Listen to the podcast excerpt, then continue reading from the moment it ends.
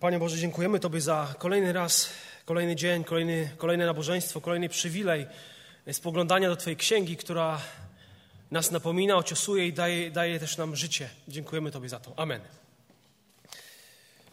Coraz trudniej się mówi do pustych ławek. Nie wiadomo, jak to będzie w przyszłości, ale tak jak śpiewaliśmy, nasz Pan Bóg jest wielki i nic nie jest w stanie tak naprawdę zasłonić Jego wielkości, Jego miłości, Jego łaski. I dzisiaj chcemy kolejny raz rozważać Boże Słowo. Otwórzmy Jakuba, trzeci rozdział. Będę kontynuował rozważanie tej księgi. Jakuba, trzeci rozdział. Jakub jest bardzo praktyczny i bardzo, no czasami osądzający. Tydzień temu mówiłem, że jeśli tak naprawdę chcesz zobaczyć czyjąś wiarę, to musisz zobaczyć uczynki tego człowieka. Nie tylko słowa, bo każdy może mówić, każdy może powiedzieć, jestem chrześcijaninem, ale jak żyjesz, to pokazuje, jaką masz wiarę. A dzisiaj Jakub mówi o najsilniejszym mięśniu w ludzkim organizmie, mówi o języku. I mówi, jeśli chcesz zobaczyć czyjąś wiarę, to posłuchaj, jak on mówi, co mówi, do kogo mówi, kiedy mówi, po co mówi, bo to pokazuje stan jego życia, jego duchowość lub jej brak. Na jednym z angielskich wzgórz, które było smagane przez wiatr, znajduje się wiejski cmentarz. Na tym cmentarzu stoi szary nagrobek i na tym nagrobku jest epitafium, są słowa napisane. No ale czas niszczy ten nagrobek i żeby przeczytać, co tam jest napisane, musisz podejść i musisz się pochylić. I tam są takie słowa: Pod tym kamieniem bryła gliny.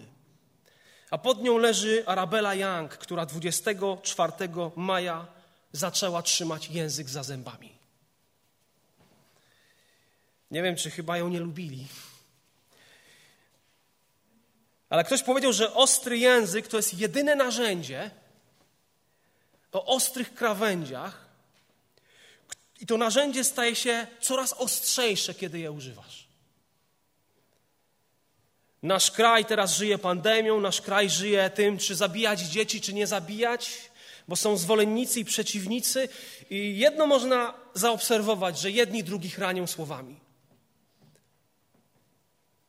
Jest wylewane mnóstwo słów Ktoś fajnie powiedział, że słowa zabiły więcej niż wszystkie, niż zginęli ludzie na wszystkich wojnach. Słowa zabiły, więcej ludzi niż wszystkie wojny światowe. Kiedy wracasz do ogrodu Eden i patrzysz na to, co się stało, to widzisz, że diabeł użył języka, użył słów i przyszło zniszczenie. Język jest taki mały, a z drugiej strony taki wielki, taki potężny i taki niszczący. Salomon powiedział takie słowa: Tych sześć rzeczy nienawidzi Pan, a tych siedem jest dla niego obrzydliwością. Butne oczy, kłamliwy język, ręce, które przelewają krew niewinną, serce, które knuje złe myśli, nogi, które śpieszą do złego, składanie fałszywego świadectwa i sianie niezgody między braćmi. Spośród tych siedmiu rzeczy trzy dotyczą języka.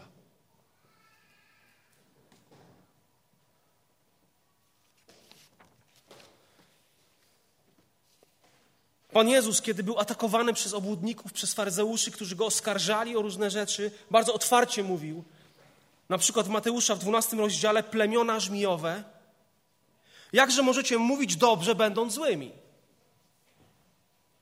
Albowiem z obfitości serca mówią usta. Dobry człowiek wydobywa z dobrego skarbca dobre rzeczy, a zły człowiek wydobywa ze złego skarbca złe rzeczy.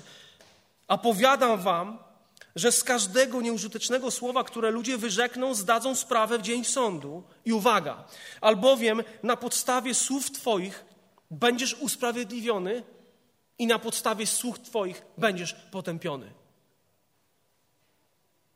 Jezus mówi, że od Twoich słów zależy to, czy będziesz osobą zbawioną, czy będziesz osobą odrzuconą. To są straszne słowa. To są bardzo poważne słowa. Wczoraj wróciłem sobie do troszkę do, do życia Izraela i w jedenastym rozdziale czytamy o tym, że ludzie zaczęli szemrać na Boga. Bo? Bo nie mieli mięsa. zbrzydła im manna. Jest powiedziane, że kiedy tak zaczęli gadać, to Pan to usłyszał. I wtedy zapłonął jego gniew i zapalił się wśród nich ogień Pana. I ja mówię, jak to było? To musiało być straszne. Kiedy Pan Bóg potężną ręką ich wyprowadził, widzieli cuda i On chciał dać im o wiele więcej, ale oni narzekali. Przypominali sobie ryby, które były w Egipcie, i czosnek, i cebulę, i por. Czy oni się czegoś nauczyli? Niczego się nie nauczyli, bo rozdział dalej czytamy o tym samym. Ale już przywódcy zaczęli mówić na, na Mojżesza. Miriam i Aaron. Czy tylko przez Mojżesza działa Pan Bóg? A my to co? I zaczęli mówić niewłaściwe rzeczy na najpokorniejszego sługę. I Pan to usłyszał. I wiemy, jak kończy się taka historia, że Miriam pojawił się trąd na jej twarzy, musiała być oddalona przez kilka dni. I ze względu na to, kim był Mojżesz, że się modlił, była uzdrowiona. Czy czegoś się Izrael nauczył?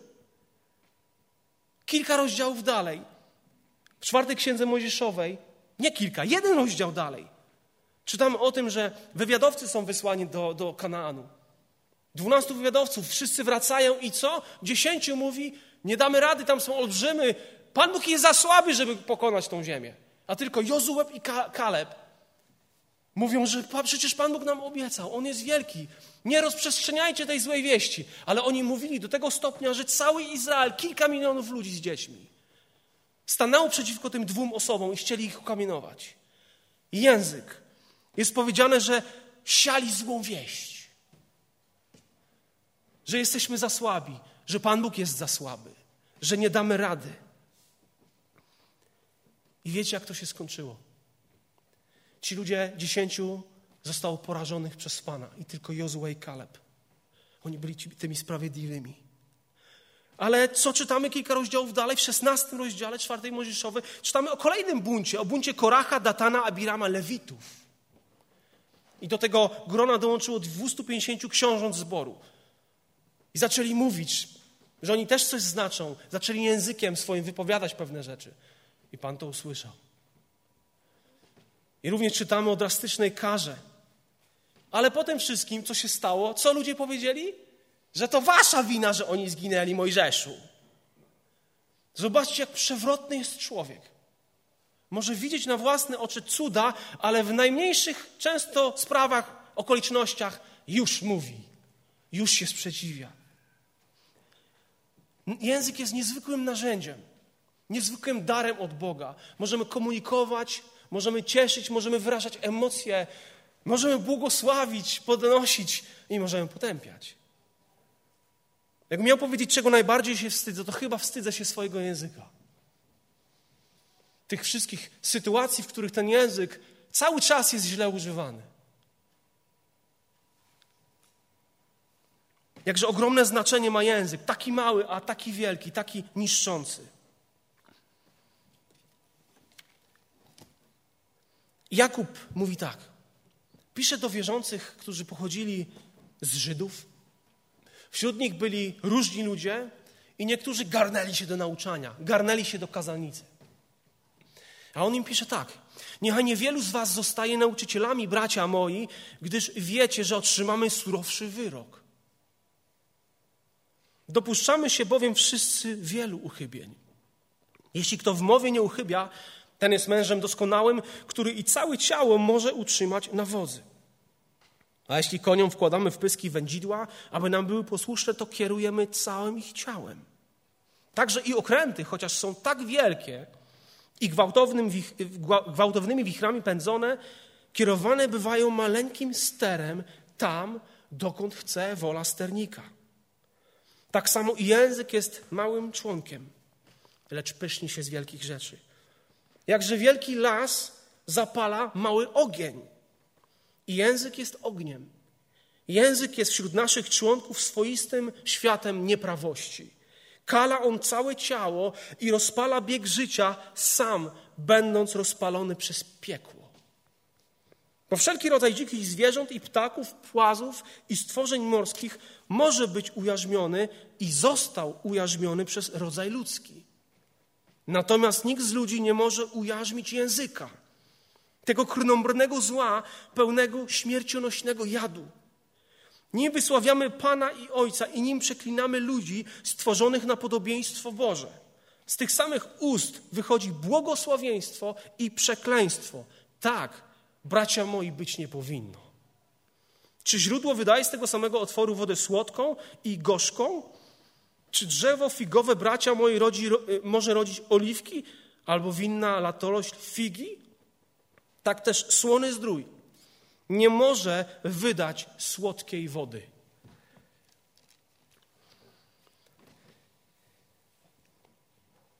Jakub mówi, niechaj niewielu z was zostaje nauczycielami, bracia moi. Do tych garnących się do nauczania wystosował Jakub takie słowa i dał im świadomość, powiedział im, że będzie taki czas, kiedy będą musieli odpowiedzieć za to, co mówili.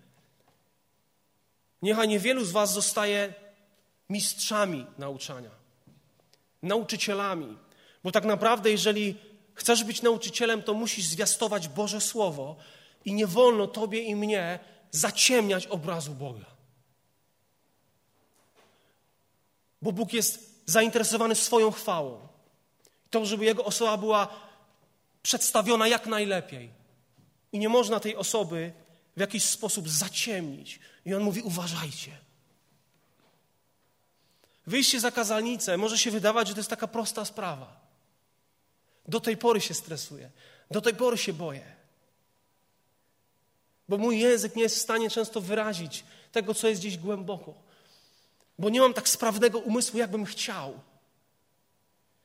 A co jeśli zaciemnię ten obraz Boga? Czeka mnie surowy wyrok. I każdego, kto dotyka tej księgi, czy na kazalnicy, czy na grupie domowej, Tutaj Jakub mówi o ludziach, którzy jakby są rozpoznani jako nauczyciele. Ale każdy z nas, jeżeli dotykamy tej księgi, to byśmy właściwie jej dotykali i właściwy obraz Boga przedstawiali. Jakub mówi, dopuszczamy się wszyscy wielu uchybień. Jakub mówi, ja też. Ja też upadam. Ale wiecie, co jest pewna zasada? On mówi, jeśli ktoś w mowie nie uchybia, to taki człowiek jest, można powiedzieć, mężem dojrzałym w wierze, doskonałym, integralnym. I Jakub mówi, że taki człowiek, ten doskonały, jeżeli opanowuje swój język, to jest w stanie opanować całego siebie. Jest w stanie poradzić sobie ze swoimi porządliwościami, pokusami. On da radę, jeżeli tylko panuje nad swoim językiem. Ciekawa prawda.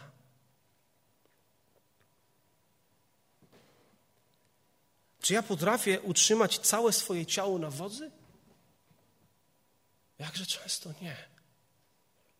Języka nie potrafię. Jakub przedstawia, maluje nam kilka obrazów. Mówi o koniu, mówi o statku. A jeśli koniom wkładamy w pyski wędzidła, aby nam były posłuszne, to kierujemy całym ich ciałem.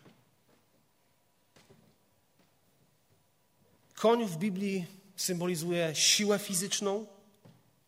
I bez względu na to, jak silny jest koń, ile ma tej werwy, jak bardzo zrywny jest, to można uzyskać kontrolę nad jego. Jak uzyskasz kontrolę nad jego pyskiem, to uzyskasz kontrolę nad koniem. Bez względu na to, jak potężny jest. I czynimy to za pomocą wędzidła, prawda? Ta siła tego konia ta jego nieposkromiona natura jest ujarzmiona dzięki kontroli pyska. A ten pysk w porównaniu z całym jego ciałem, no to jest tak coś małego, prawda? Kierujemy, czy on ma w lewo iść, czy w prawo. Już nie liczy się jego wola, ale tego, który na nim siedzi. Ta siła konia jest ujarzmiona dzięki kontroli nad pyskiem. Kawałek metalu i taką robotę czyni. I tak sobie myślę, ile razy powinienem włożyć sobie takie wędzidło do swoich ust, aby ktoś zaczął kontrolować moje życie.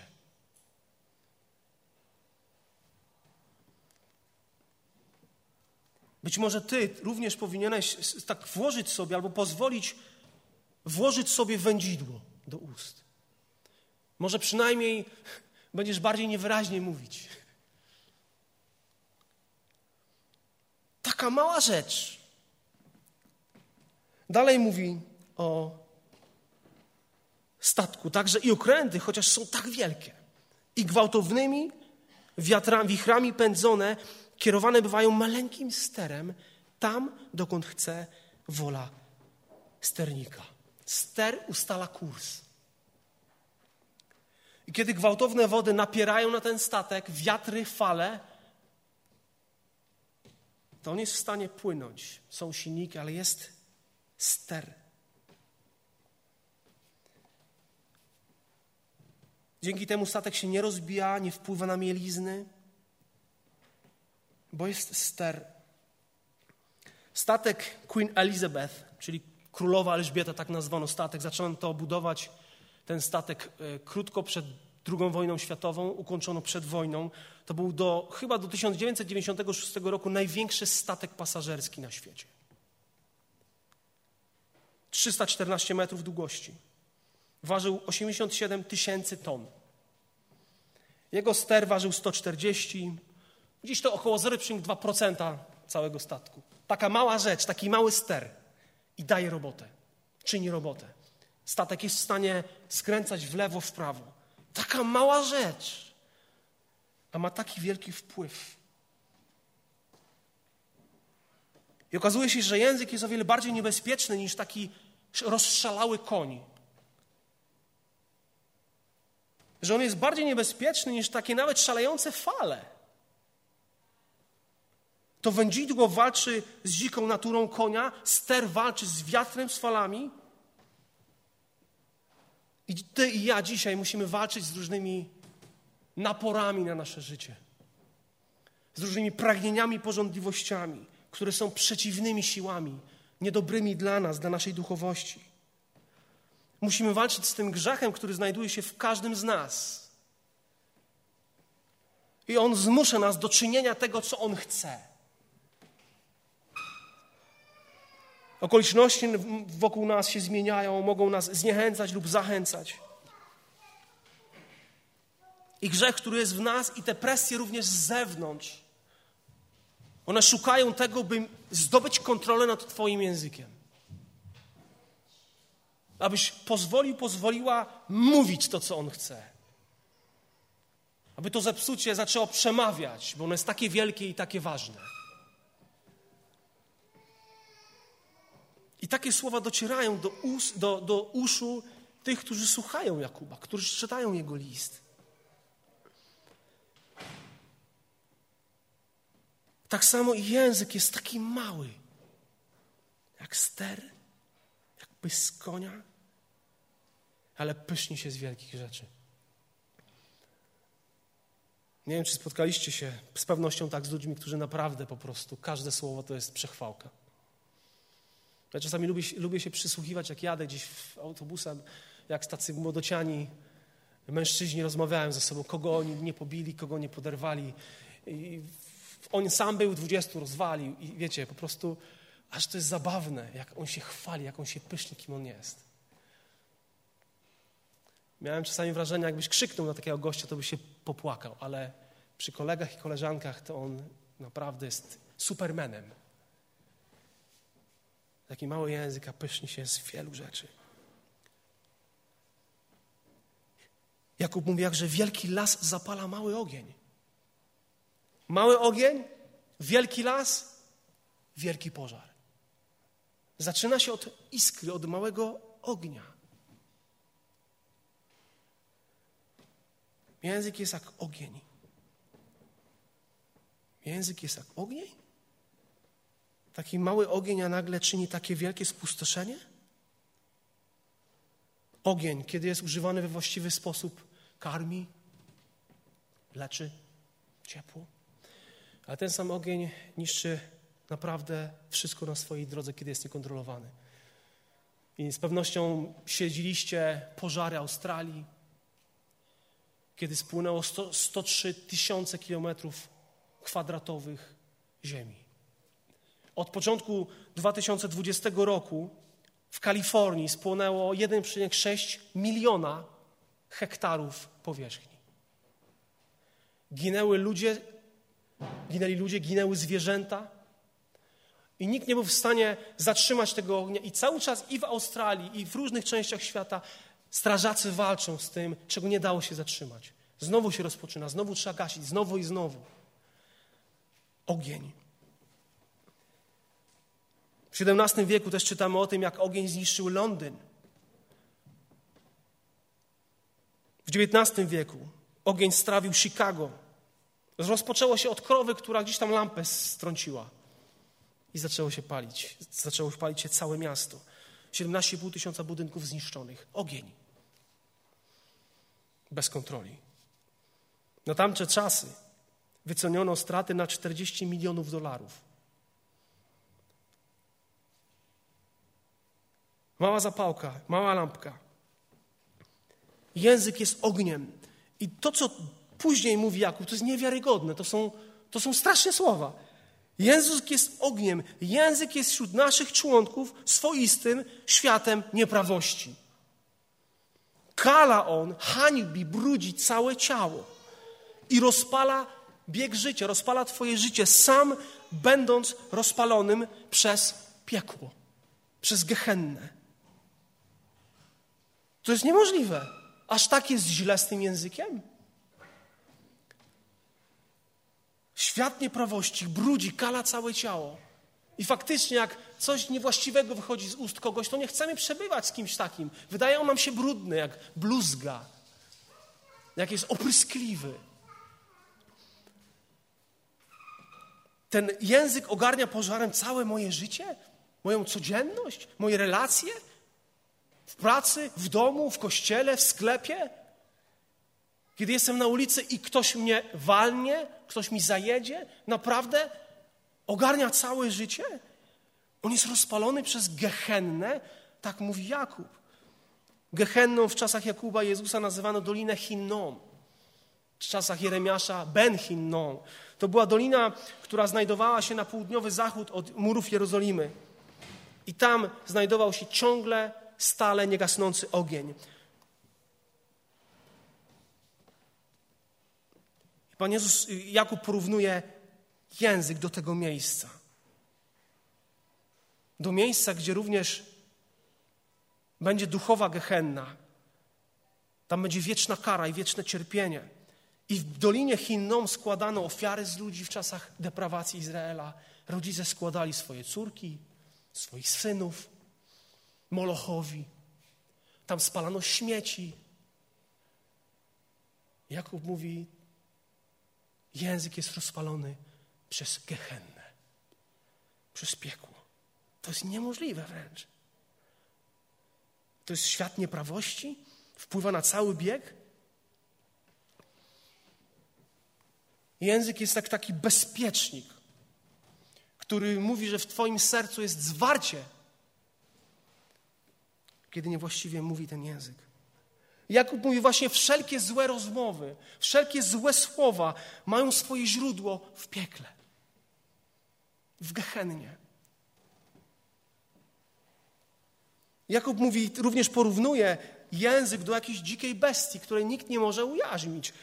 Bo wszelki rodzaj dzikich zwierząt, i ptaków, i płazów, i stworzeń morskich może być ujarzmiony i został ujarzmiony przez rodzaj ludzki. Radzimy sobie z orkami, ze słoniami, z małymi stworzeniami i większymi. Naprawdę poddajemy sobie ziemię. A Jakub mówi nie wszystko. Natomiast nikt z ludzi nie może ujarzmić języka. Tego krnąbrnego zła, przewrotnego zła, pełnego śmiercionośnego jadu. Jakub mówi, to jest jak taka bestia, język jest jak taka bestia, który nie można okiełznać. Jest jak taki gad, który ma jad pod, w swojej paszczy i zaczyna ranić, wpuszcza truciznę. I z całej siły jakby Jakub chce przekonać tych ludzi, z czym mają do czynienia, albo z kim mają do czynienia. Bo okazuje się, że on zobaczył coś, co go wręcz rozbroiło. Mówi o tym w dziewiątym wersecie.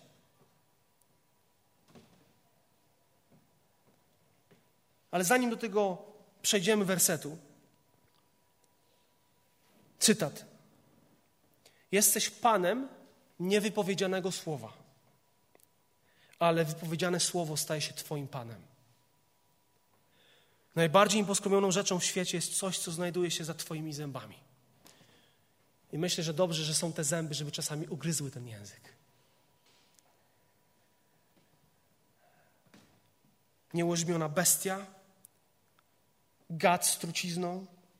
Nikt nie jest w stanie opanować języka, więc jak sobie radzić? To jest chronobrone zło, jad, zniszczenie. A jakie to są choroby języka? Na przykład nieumiarkowanie w mowie. Nie bądź prędki w mówieniu, niech Twoje serce nie wypowiada śpiesznie słowa przed Bogiem, bo Bóg jest w niebie, a Ty na ziemi. Dlatego niech Twoich słów będzie niewiele. Przypowieści Salom, Kaznodziei Salomona 5.1. 5.2. Z mnóstwa słów przychodzi głupia mowa. Przypowieści 10.19. Gdzie dużo słów, tam nie brak występku.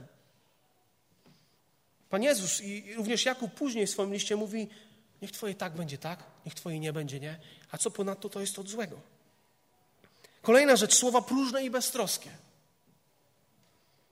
Z każdego nieużytecznego słowa odpowiemy. Kolejna rzecz, plotki. Trzecia Mojżeszowa 19, nie będziesz szerzył oszczerstw wśród ludu swojego. To mówi Bóg. Przypowieści 20:19. Kto jest gadułą, zdrada tajemnicę, więc nie zadawaj się z plotkarzem. Kolejna rzecz, kłamstwo. Pan nienawidzi języka, który kłamie. Przypowieści szósty rozdział. Diabeł jest ojcem kłamstwa. Kolejna rzecz, pochlebstwo. Psalmista w psalmie 12 mówi, że są ludzie, którzy mówią nieszczerym sercem. Przypowieści 26. Fałszywy język nienawidzi tych, których zmiażdżył, a usta pochlebcy prowadzą do zguby. 29 rozdział przypowieści. Kto schlebia swojemu przyjacielowi, ten mu zastawia sidła na nogi. Kolejna rzecz, pochopne słowa, nieprzemyślane słowa, szybkie słowa. Czy widziałeś nierozważnego przez pośpiech w swoich słowach? Więcej można się spodziewać po głupim niż po nim. Użalanie się nad sobą, narzekanie, krytykowanie, oskarżanie, poniżanie, szerzenie fałszu, herezji, czyli zwodzenie. To są nie tylko niektóre rzeczy, które dotykają języka i których czytamy w Bożym Słowie. I trzeba go ujarzmić, ale jak to zrobić? Jak nikt z ludzi nie jest w stanie ujarzmić języka. I z tego powodu między innymi rozpadają się małżeństwa, rozpadają się relacje dzieci, rodzice, rozpadają się przyjaźnie, bo ktoś powiedział kilka słów za dużo. Mamy powściągać język. Jakub już w pierwszym rozdziale mówi, że możesz sądzić, że jesteś pobożny, ale jeżeli nie powściągasz języka swego, to ta pobożność, Twoja wiara jest bezużyteczna. Jeszcze wcześniej zachęcał, żebyśmy byli nieskorzy do mówienia, skorzy do słuchania, nieskorzy do gniewu.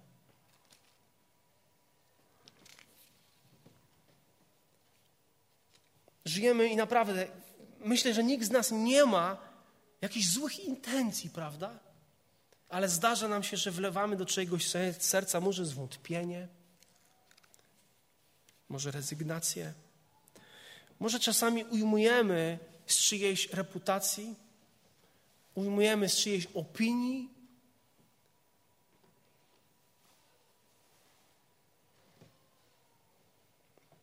Możemy podważać zaufanie szefa. Przecież jest niekompetentny. No, chyba raczej wszyscy powinni o tym wiedzieć. Pan Jezus w kazaniu na górze powiedział, słyszeliście, że powiedziano przodkom, nie będziesz zabijał, a kto by zabił, pójdzie pod sąd. A ja wam powiadam, że każdy, kto się gniewa na brata swego, pójdzie pod sąd. A kto by rzekł bratu swemu, racha. Ty bezwartościowy człowieku, ty durniu. Stanie przed Radą Najwyższą, a kto by rzekł, głupcze, baranie, debilu, tłuku, pójdzie w ogień piekielny.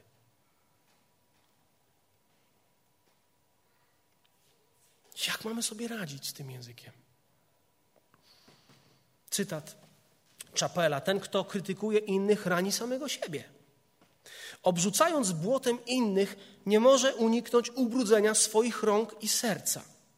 Jak często uczestniczenie w tego typu praktykach sprawia, że powracamy do domu z poczuciem zbezczeszczenia siebie samych, chociaż nie było to w ogóle naszym zamiarem.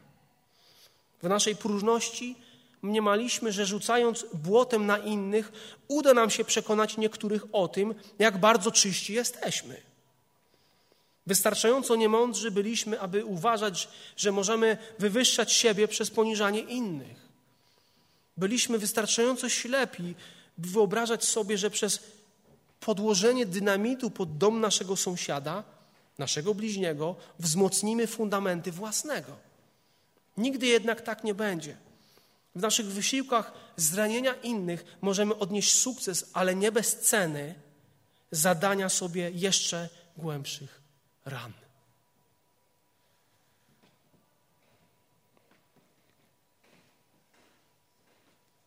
Jakub zobaczył coś, co się działo w kościele.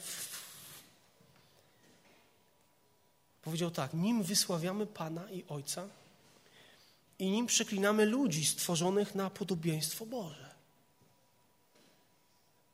Z tych samych ust wychodzi błogosławieństwo i przekleństwo. Tak, bracia moi, być nie powinno.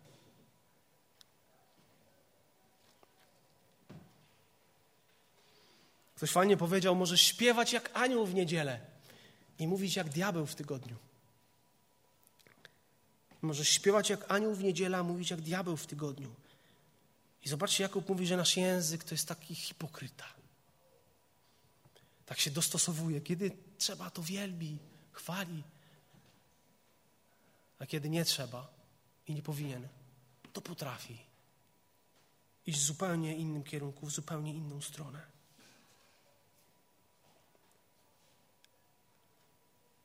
Pamiętam sytuację, kiedy do kościoła trzeba było dojeżdżać z dziećmi i człowiek już wstawał, już wiedział, że będzie źle. Dzieciaki nieposłuszne, trzeba do, na nabożeństwo szybko. Jeszcze jak się jest prowadzącym albo kaznodziejem, no to trzeba być wcześniej. A tu się nic nie układa tego poranka. I fukniesz coś do żony, ona do siebie. Jest ci głupio, ale nie ma czasu już pogadać, bo trzeba wyjeżdżać. Szybko, dzieci nieubrane, nie zjadłeś nic i szybko lecisz na nabożeństwo, wpadasz. Oczywiście jeszcze jazda samochodem, tam różne słowa się jeszcze dodaje. I potem przyjeżdżasz, przyjeżdża człowiek do kościoła i wieczerzy raczej nie, brać nie może, bo nie zdążył porozmawiać z żoną, ją przeprosić. Bo tak sobie myślę, no jak ja mam teraz? Wielbić Pana Boga, kiedy pięć minut temu, jeszcze przed wejściem do kościoła, jeszcze, jeszcze, ją, jeszcze ją ukułem. I tak w takich sytuacjach człowiek patrzy na siebie i tak sobie myśli, jaki słaby jestem.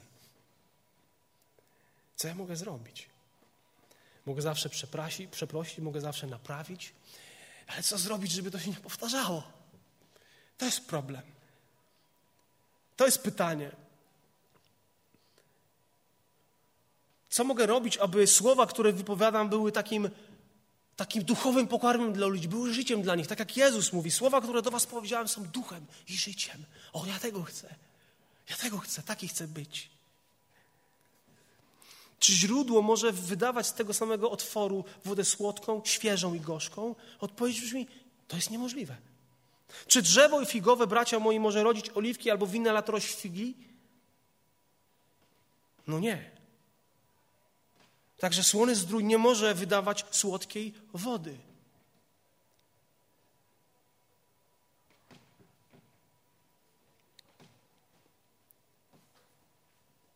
Właściwe źródło? Właściwa, świeża woda. Byle jakie źródło, byle jaka woda.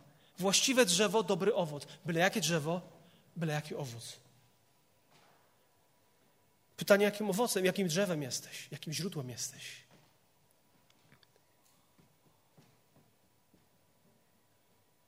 Jakub mówi, że wysławiamy Pana Boga tym samym językiem i tym samym językiem przeklinamy ludzi stworzonych na podobieństwo Boże.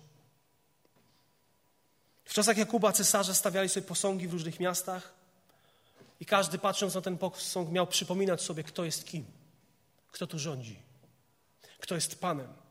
I w momencie, kiedy ktoś spojrzał na ten posąg i coś tam złego powiedział o cesarze, za jakąś decyzję wydał, to tak naprawdę to traktowano jako obrazy samego cesarza. Jeżeli obraziłeś pomnik cesarza, obraziłeś samego cesarza i jego królestwo. Jakub mówi, ten człowiek, który stoi przed tobą, jest stworzony na podobieństwo Boże. Kiedy wypowiadasz coś przeciwko niemu, dotykasz jego stwórcę. I tak w przypowieściach jest powiedziane, jeżeli na przykład lżysz, kpisz sobie z tych ubogich, to lżysz ich stwórcę. To jest poważna rzecz. Najważniejsze w drzewie są, są, są korzenie. Jeżeli korzeń jest zdrowy i dobry, jest dobrze zasadzony, to on czerpie soki i rodzi dobre owoce.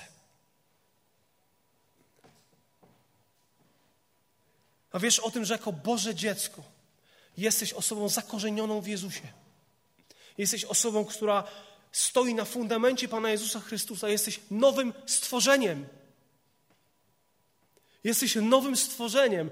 To znaczy, w Twoim życiu jest ktoś, kto, kto ma siłę ujarzmić tego konia, ma lejce w swojej dłoni. To znaczy, że za sterami Twojego statku, Twojego życia jest kapitan, który potrafi kierować tym sterem. Jesteś nowym stworzeniem, jesteś Bożym dzieckiem, zostałeś osobą oczyszczoną, przyjętą do Bożego Królestwa. To jest Twoja tożsamość i natura, i za każdym razem, kiedy nie pamiętasz o tym, to właśnie, kiedy nie pamiętasz o tym, kim jesteś w Chrystusie, i to jest nasz problem. My zapominamy o tym, kim jesteśmy w Jezusie. Jaka potężna moc zamieszkała w Tobie i we mnie. Zamieszkał w Tobie i we mnie Duch Święty, który z tą bestią jest w stanie sobie poradzić. Naprawdę On ma sposób, aby radzić sobie z tym statkiem, z tą bestią, z tym koniem, który jest taki zrywny czasami. On naprawdę potrafi i On może i On chce. Nie jesteśmy bezbronnymi ludźmi, którzy są miotani. Lata wiatrem nauki, lata wiatrem emocji. Naprawdę jesteś kimś niezwykłym, kimś nowym, kimś Bożym w swojej naturze. I ta natura produkuje owoce. A ty jako drzewo musisz czerpać z tej, z tej ziemi, z tego fundamentu, jako latorość z tego krzewu winnego. I kiedy te soki napływają, to owoce się pojawiają. To są owoce niezwykłych ust. I wiecie, że kiedy Jakub mówi o języku, to tak naprawdę nie mówi o języku, tylko wskazuje na coś większego, mówi o sercu, wskazuje na, na serce. Tu jest problem, nie język, serce, które wiąże się z językiem. Tego nie można rozdzielić. Kwestia mowy to kwestia Twojego, mojego serca, Twojej, mojej tożsamości. Problem języka to problem serca jest niezwykły związek ust i serca. Serce i język śpiewają w jednym duecie. Z obfitości serca mówią usta. Więc kiedy w różnych sytuacjach z gniewem coś wypowiadam, to jest jedna zasada, jedna rzecz. W moim sercu był gniew, z którym sobie nie poradziłem wcześniej, i dlatego moje usta go wypowiedziały. Jeżeli pojawiła się krytyka na moich ustach, to znaczy, że w moim sercu była krytyka, której może wcześniej nie rozpoznałem. I dlatego poszło.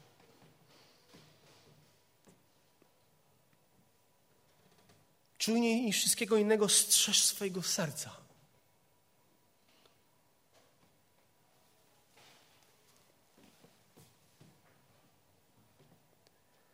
Język zapala, Pewna kobieta przyszła do pastora i była straszną plotkarą. Wszyscy o tym wiedzieli, ale czasami tak lubiła sobie grać i tak przychodziła do, na środek i ona mówi, że ona chce się modlić o swój język. I to robiła kilka razy. Każdy wiedział, że ona po prostu na pokaz to robi, nie jest szczera. I przyszła do pastora, z tego co pamiętam, był to Warren Wiersbe. I znowu zaczęła rozmawiać, że ona chce swój język ofiarować na ołtarzu. A ten pastor znał jej życie i tak powiedział: Oj, to jest problem, siostro. Nie ma tak wielkiego ołtarza.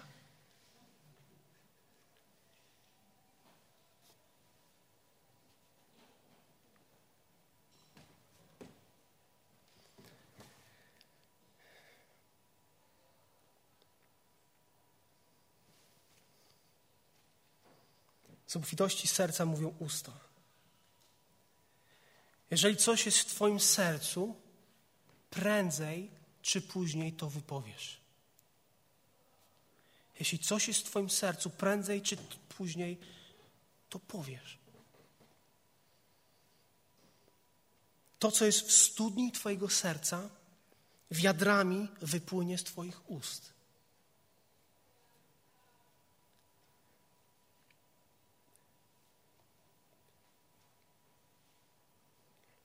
Jak sobie poradzić z tym problemem?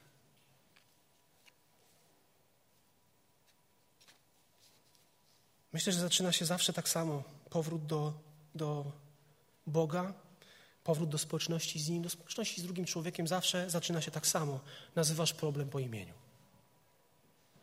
Nazwij problem swojego języka grzechem serca. I trzeba przyznać się, jestem krytykantem. Jestem kimś, kto zniechęca innych. Nazwij problem swojego języka grzechem swojego serca. Druga rzecz, wyznaj to. Wyznaj to Bogu, bo jeśli wyznajesz grzechy swoje, wierny jest Bóg i sprawiedliwy odpuści Tobie grzech i oczyści Ciebie z wszelkiej nieprawości, z poczucia winy, który ten grzech spowodował w Twoim życiu. Kolejna rzecz, musisz odrzucić to zło od siebie, musisz zareagować od razu, wychwytywać te rzeczy. Odrzuć zło swojego języka od siebie. I kolejna rzecz, daj się prowadzić. Daj się prowadzić woźnicy. Daj się prowadzić kapitanowi Twojego okrętu, którym jest Twoje życie. Daj się prowadzić Duchowi Świętemu. Daj się prowadzić Jego księdze, Jego mocy Bożej. Daj się prowadzić Bożemu Słowu. Karm się tym Słowem, napełniaj swoje serce tym Słowem. W sercu swoim przechowuje Słowo Twoje, abym nie zgrzeszył przeciwko Tobie. Zakorzeniamy się w Boże Słowo. I czerpiemy z Chrystusa, pijemy z Chrystusa, jemy Chrystusa. I napełniamy swoje serce tą świeżą wodą, świeżym słowem. I nic dziwnego, że potem jak coś mówimy, to to świeżość wychodzi. Bo jestem najedzony, bo jestem naczerpany odpowiednio. Bo jestem zmotywowany, bo wiem, kto jest we mnie, bo wiem, kim jestem. Nazwij problem swojego języka grzechem swojego serca. Wyznaj go, odrzuć zło od siebie i daj się prowadzić. Mam zawsze Pana przed sobą. Gdy On jest po prawicy mojej, nie zachwieje się. Psalm 16. Psalm 19. Niech znajdą upodobanie słowa ust moich i myśli serca mego u Ciebie, Panie. Kolosan 4:6 Mowa wasza niech zawsze będzie uprzejma, zaprawiona solą, abyście wiedzieli, jak macie odpowiadać każdemu. Jeżeli chcemy wydawać te właściwe owoce, owoce naszych warg, to, to to jest niemożliwe czynić to bez, bez spędzenia czasu z tym, który te owoce rodzi. Bez spotykania się z Chrystusem, bez jedzenia tego, co On ma dla Ciebie i dla mnie każdego dnia. Bez uczenia się u Jego stóp. Nie można właściwie żyć bez, bez oddania lejców Chrystusowi. To jest niemożliwe. Możesz zasiadać, ale marny Twój los, jeśli tak sam będziesz kierował. Jesteśmy zachęceni do tego, również Jakub zachęca, aby trwać w Słowie, w tym zakonie wolności, aby się zakorzeniać.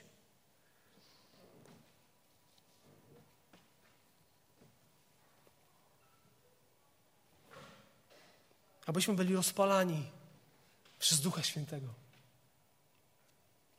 Abyśmy żyli zgodnie z tym, jaką mamy naturę. Mamy nową naturę. Mamy nową naturę. I prawda jest, że grzech mieszka nadal w nas, ale mamy nową naturę. Mamy nowego Pana.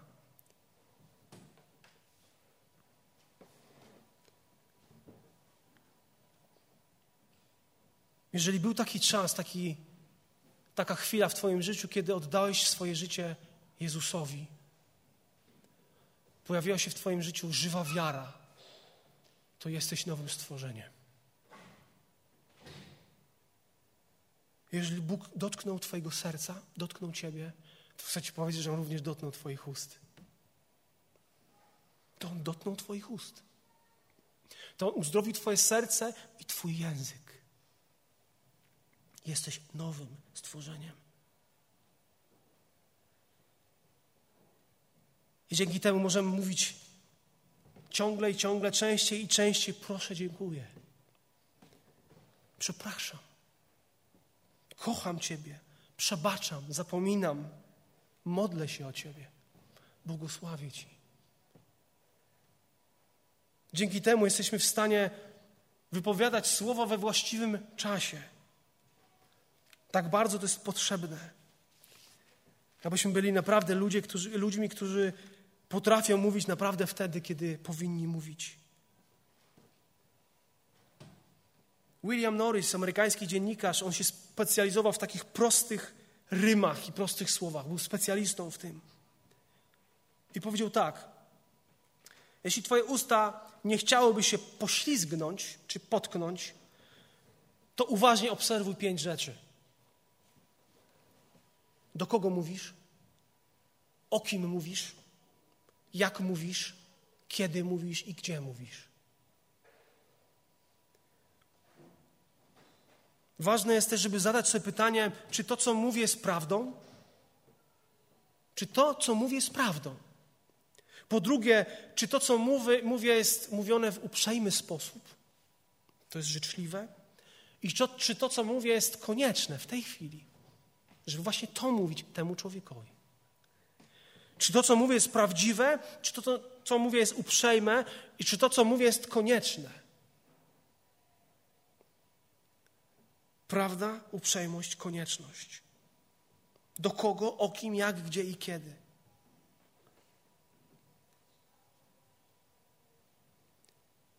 Wczoraj, przedwczoraj mogliśmy słyszeć naszego gościa, brata Pawlasa, który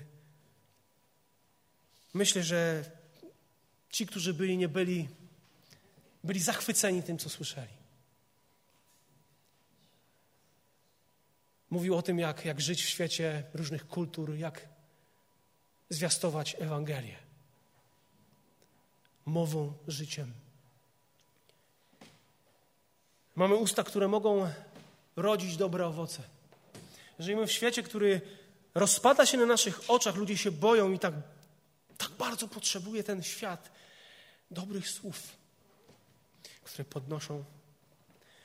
Dobrych słów, które nie, nie dodają do tego bólu, ale wręcz przeciwnie, zabierają ten ból innym. Ten świat potrzebuje Ewangelii, które Twoje usta, usta i moje usta mogą głosić. Ten świat potrzebuje Ewangelii Twojego życia.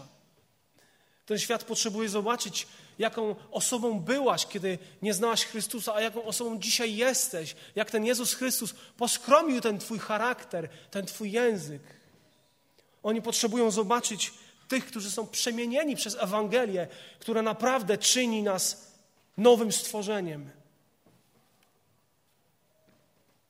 Ten świat potrzebuje Ewangelii, potrzebuje mocy, potrzebuje Boga, który jako jedyny jest w stanie zmienić ich serce. A jeśli zmieni ich serce, to zmieni ich usta.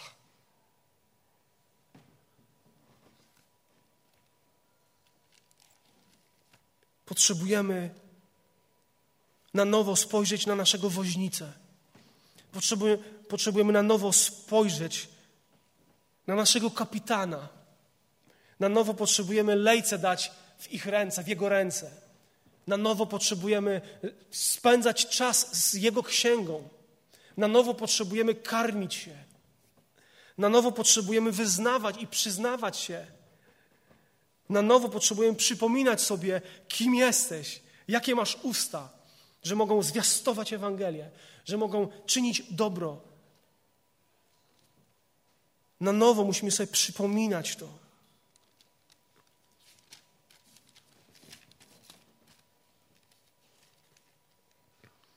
Niech żadne nieprzyzwoite słowo nie wychodzi z ust waszych, a tylko dobre, które może budować, gdy zajdzie potrzeba, aby przyniosło błogosławieństwo tym, którzy go szukają.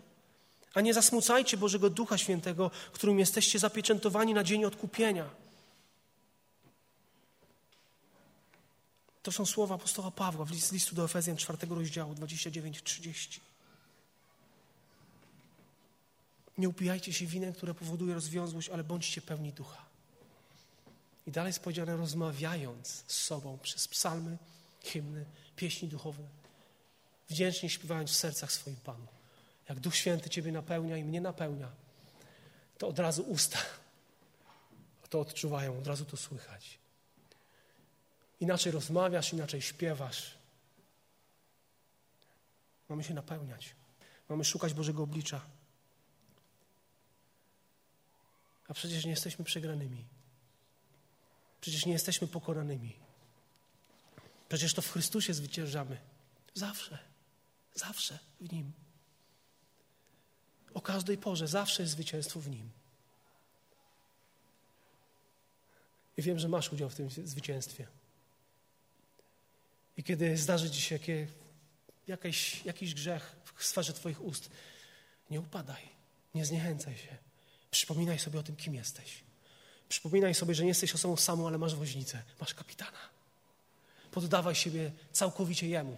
Napełnia się Jego księgą, Jego życiem, Jego słowem. I żyj. I błogosław. I bądź świadectwem dla tego świata, który coraz bardziej się rani, coraz bardziej się zabija. Niech imię Jezusa Chrystusa będzie uwielbione z naszych serc. Powstańmy do modlitwy. Amen.